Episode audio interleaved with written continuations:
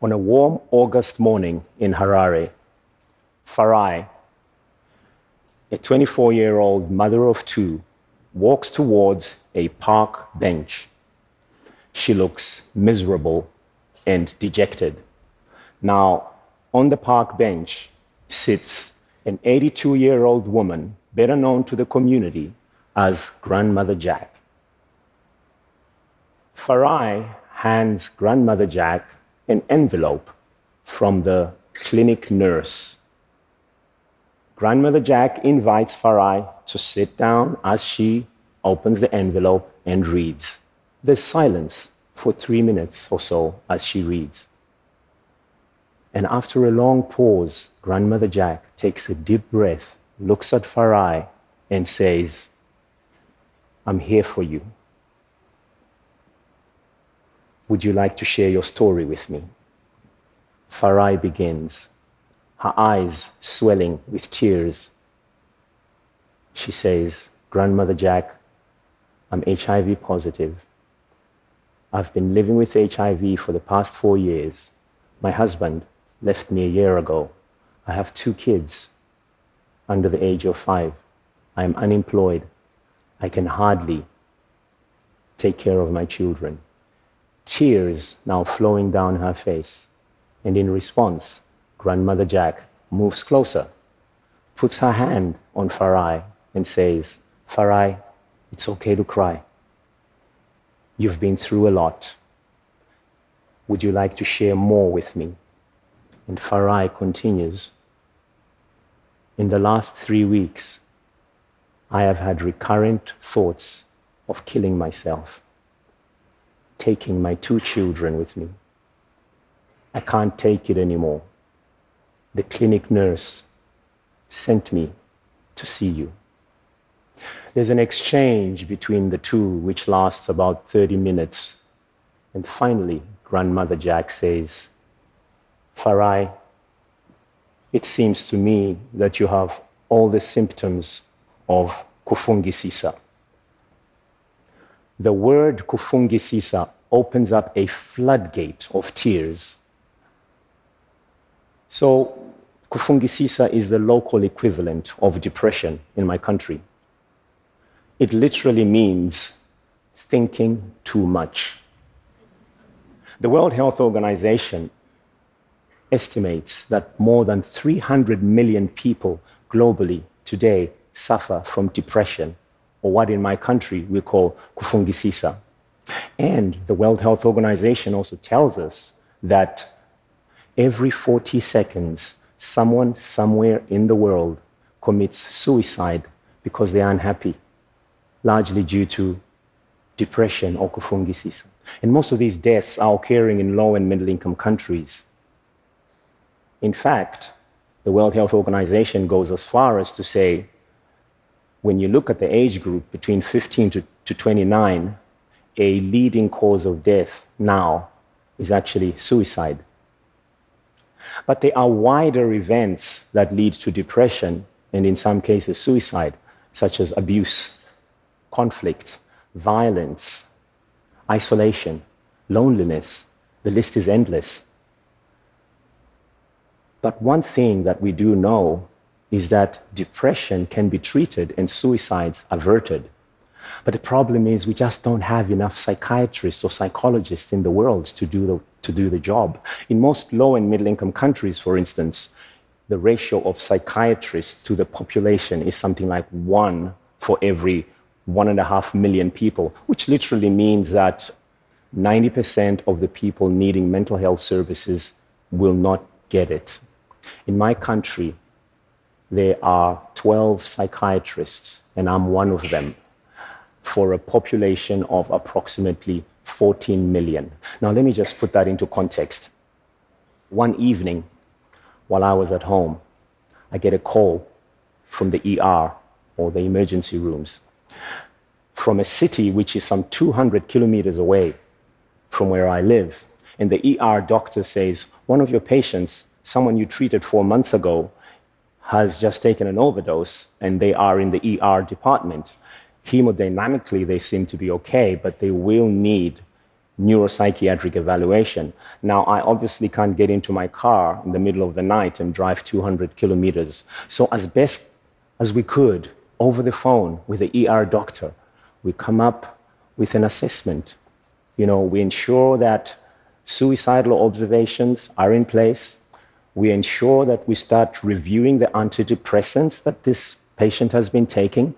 And we finally conclude that as soon as Erica, that was her name, 26 year old, as soon as Erica is ready to be released from the ER, she should come directly to me with her mother, and I will evaluate and establish what can be done. And we assume that that will take about a week. A week passes, three weeks pass, no Erica. And one day I get a call from Erica's mother, and she says, Erica committed suicide three days ago. She hung herself from the mango tree in the family garden. Now, almost like a knee jerk reaction, I couldn't but help asking, but why didn't you come to Harare, where I live?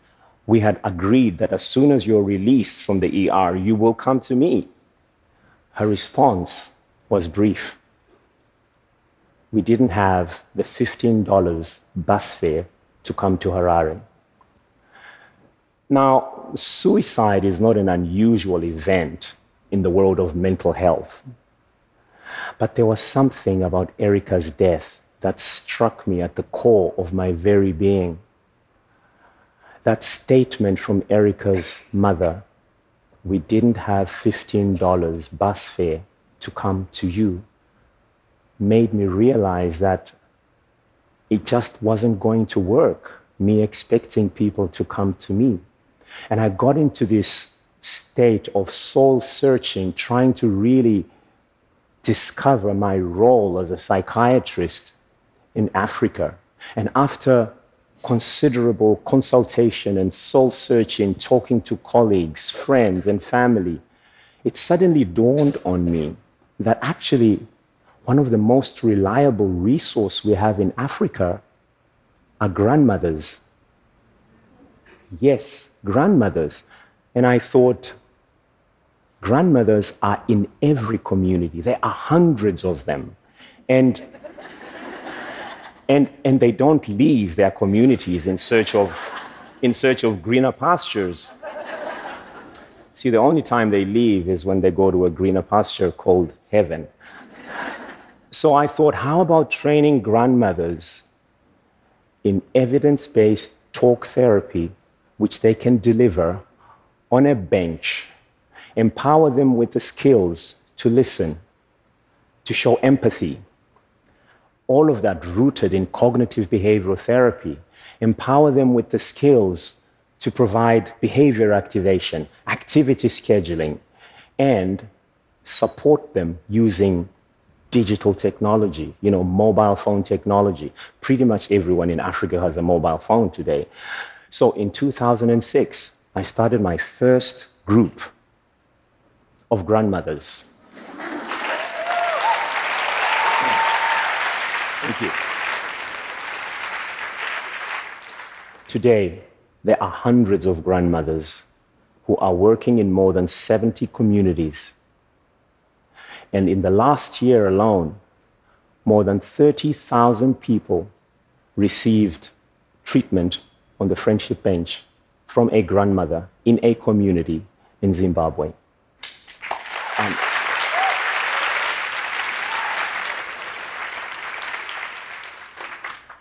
and recently we published this work that is done by these grandmothers in the Journal of the American Medical Association. And, and our results, our results show that six months after receiving treatment from a grandmother, people were still symptom free. No depression, suicidal ideation completely reduced. In fact, our results, which this was a clinical trial, in fact, this clinical trial showed that grandmothers were more effective at treating depression than doctors. And they. Um,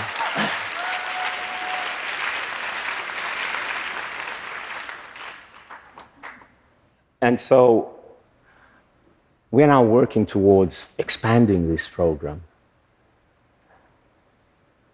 There are more than 600 million people currently aged above 65 in the world. And by the year 2050, there will be 1.5 billion people aged 65 and above. Imagine if we could create a global network of grandmothers in every major city in the world, you know, uh, who are trained in evidence based talk therapy, supported through digital platforms, networked, and they will make a difference in communities. They will reduce the treatment gap for mental, neurological, and substance use disorders. Finally, this is a file photograph of Grandmother Jack. So Farai had six sessions on the bench with Grandmother Jack. Today, Farai is employed. She has her two children at school. And as for Grandmother Jack, one morning in February, we expected her to see her 257th client on the bench. She didn't pitch up she had gone to a greener pasture called heaven. But I believe, I believe that grandmother Jack from up there, she's cheering on all the other grandmothers, the increasing number of grandmothers who are making a difference in the lives of thousands of people. And I'm sure she's in awe when she realizes that something that she helped to pioneer is now spreading to other countries like Malawi, the island of Zanzibar, and coming closer to home here in the United States, in the city of New York. May her soul rest in peace. Thank you.